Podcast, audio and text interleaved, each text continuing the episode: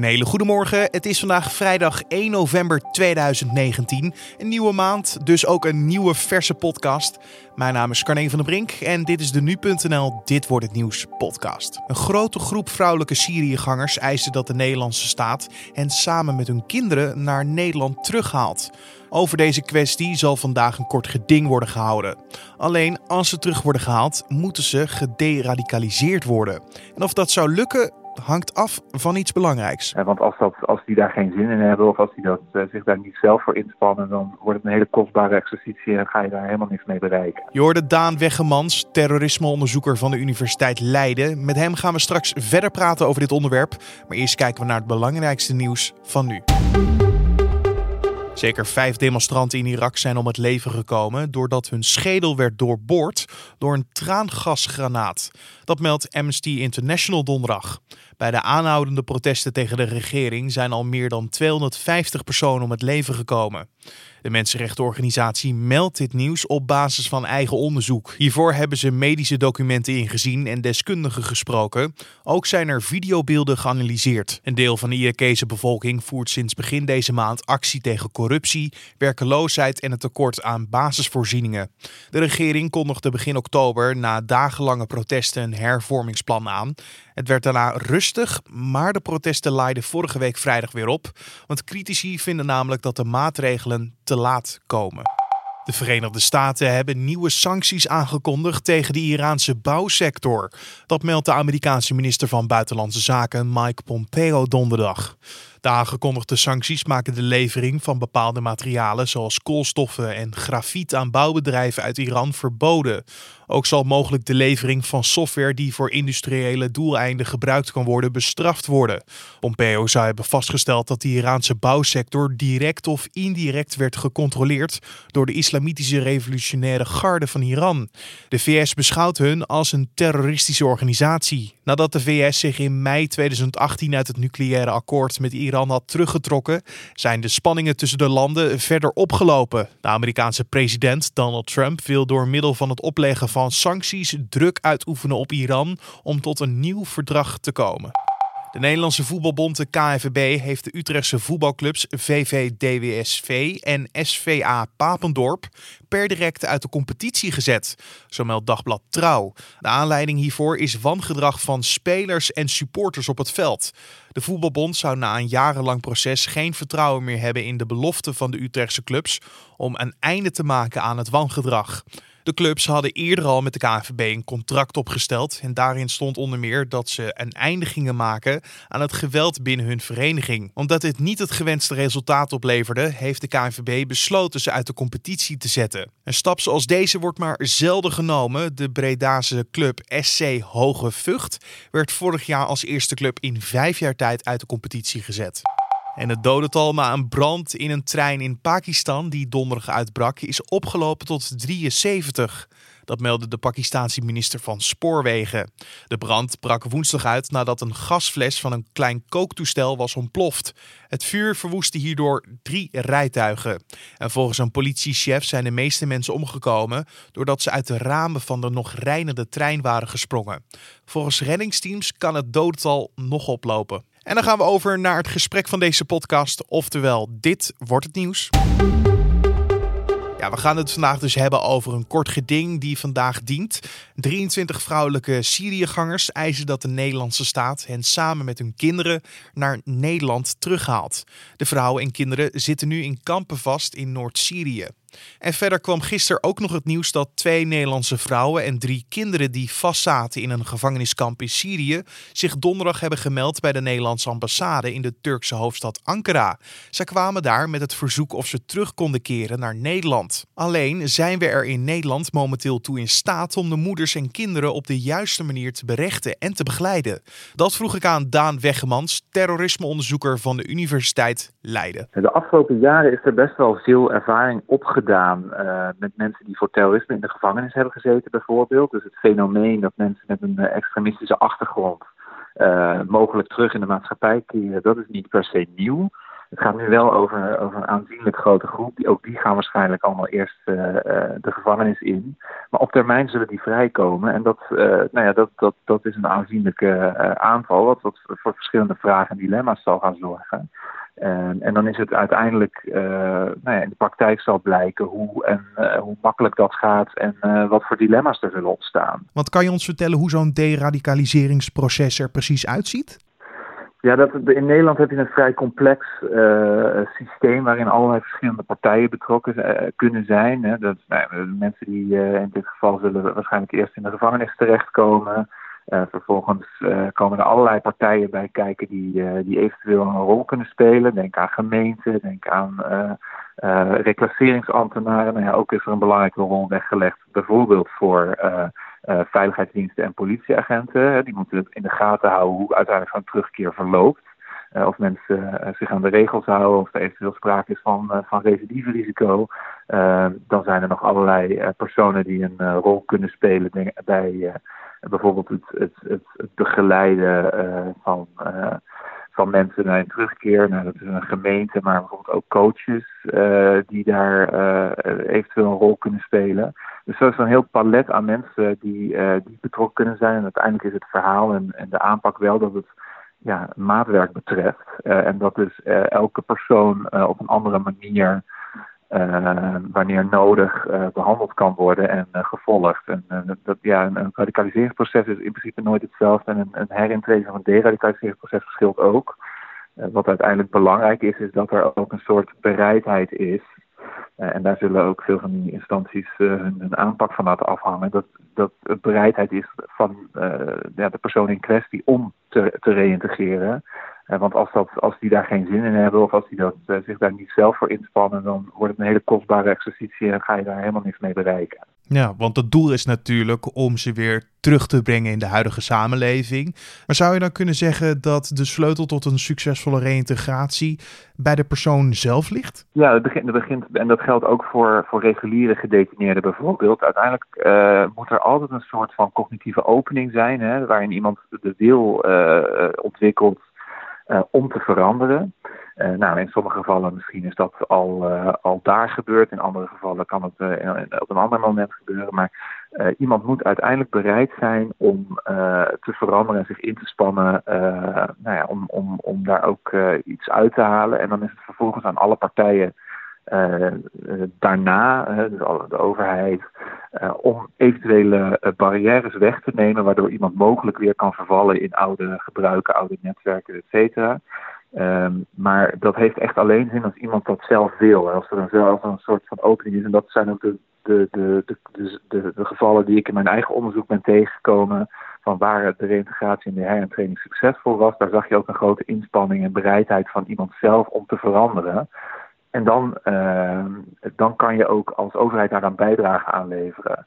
Uh, maar zodra iemand dat niet wil, uh, ja, dan, dan is eigenlijk het enige wat je kan doen, is heel goed in de gaten houden. door middel van inlichtingsdienst, inlichtingendiensten of politie.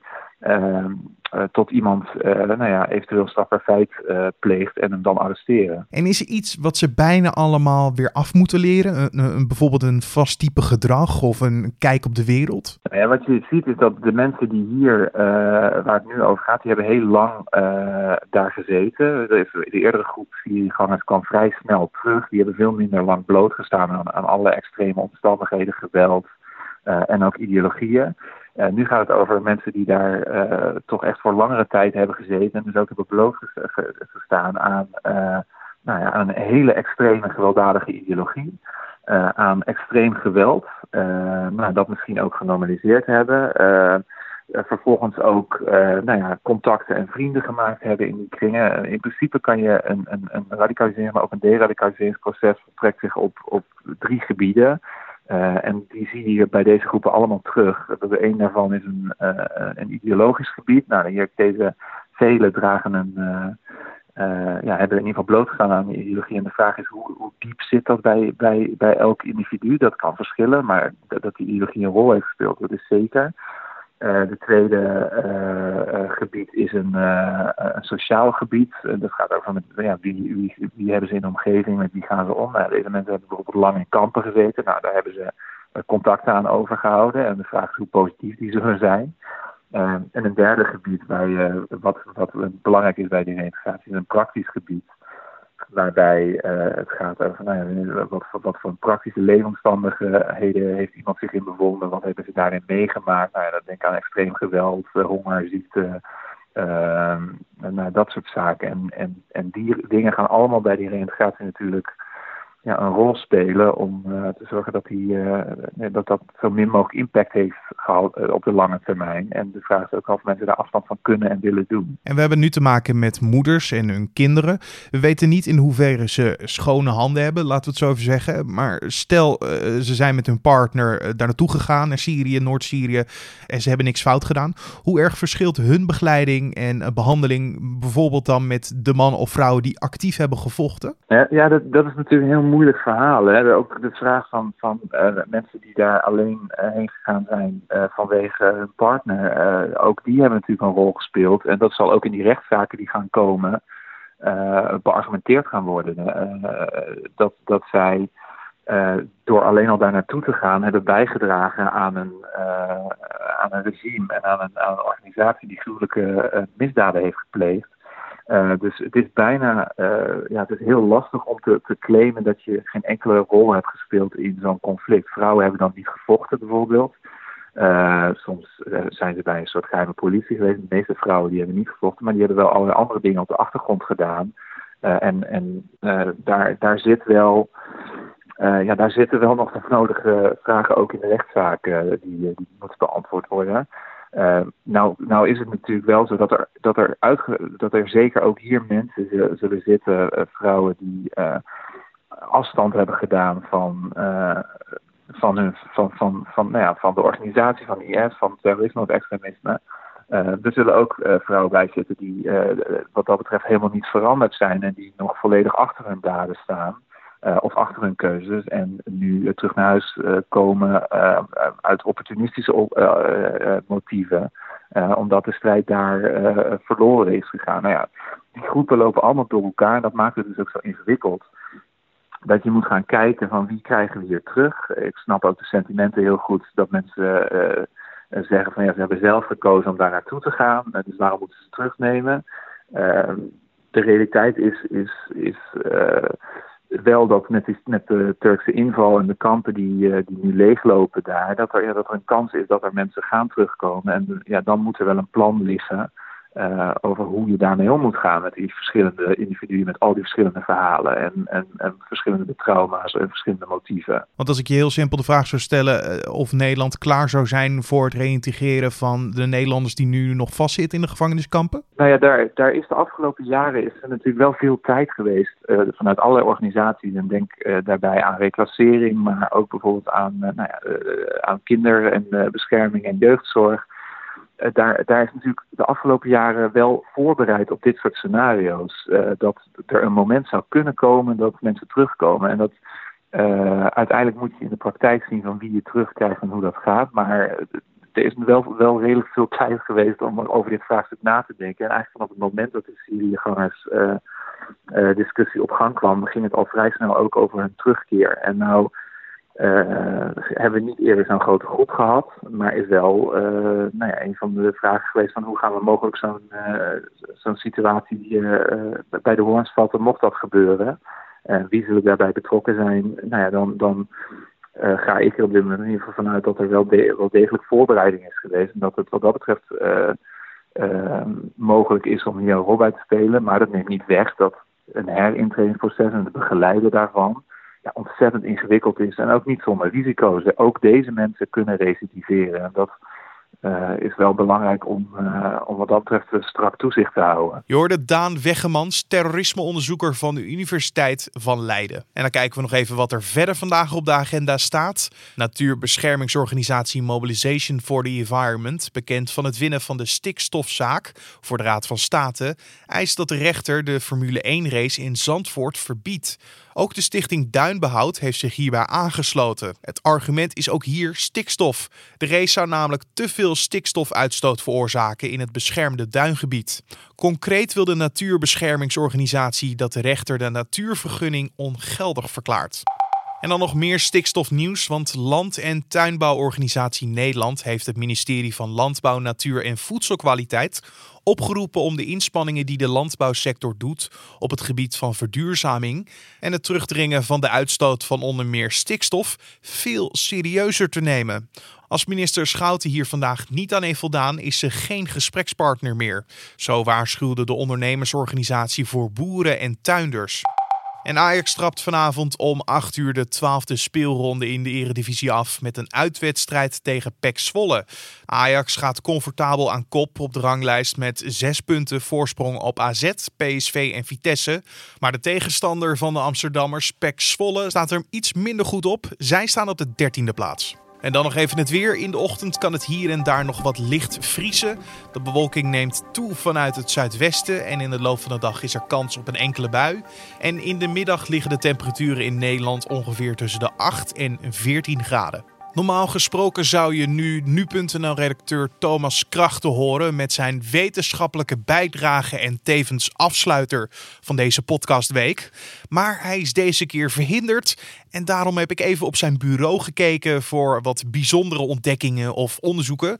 En daar zag ik dat koperkopslangen stoppen met voortplanten na langdurige droogte.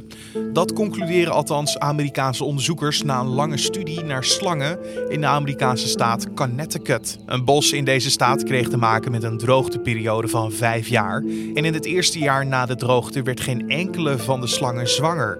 En het jaar daarvoor legde slechts één vrouwtje eieren. Ter vergelijking, voor de droogte begon, legden meerdere slangen vele tientallen eieren. De droogte kwam voor in voorheen vochtige gebieden die tijdens de herfst en winter onder water komen te staan en gedurende de zomer uitdrogen.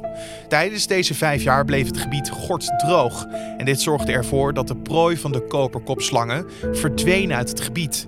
En de voortplanting van slangen hangt af van hun vermogen om zich vol te eten in een jaar en daarna te reproduceren. In de droge periodes met weinig eten moesten de vrouwtjes kiezen. Heb ik genoeg brandstof om eieren te leggen? Of kan ik beter opsparen wat ik heb om te overleven? Door de droogte kozen de vrouwtjes dus allemaal voor de laatste optie. En dit was dan de Dit wordt het nieuws podcast voor deze vrijdag 1 november. Je kan ons laten weten wat je van deze podcast vindt. Heel simpel door een mailtje te sturen naar podcast.nu.nl of een recensie achter te laten in iTunes. Daarnaast kan je ons ook beoordelen met 1 tot en met 5 sterren. En als je natuurlijk 5 sterren wil geven, zijn we eeuwig dankbaar. En ik zou het tof vinden als je fan bent van deze podcast, dat je dat ook aan je familie, vrienden of collega's vertelt. Misschien dat zij het ook een keer gaan proberen. Dat zou tof zijn. Dan rest mij alleen nog maar om te zeggen dat mijn naam Carne van der Brink is. Dat ik je een mooi weekend wens. En tot maandag.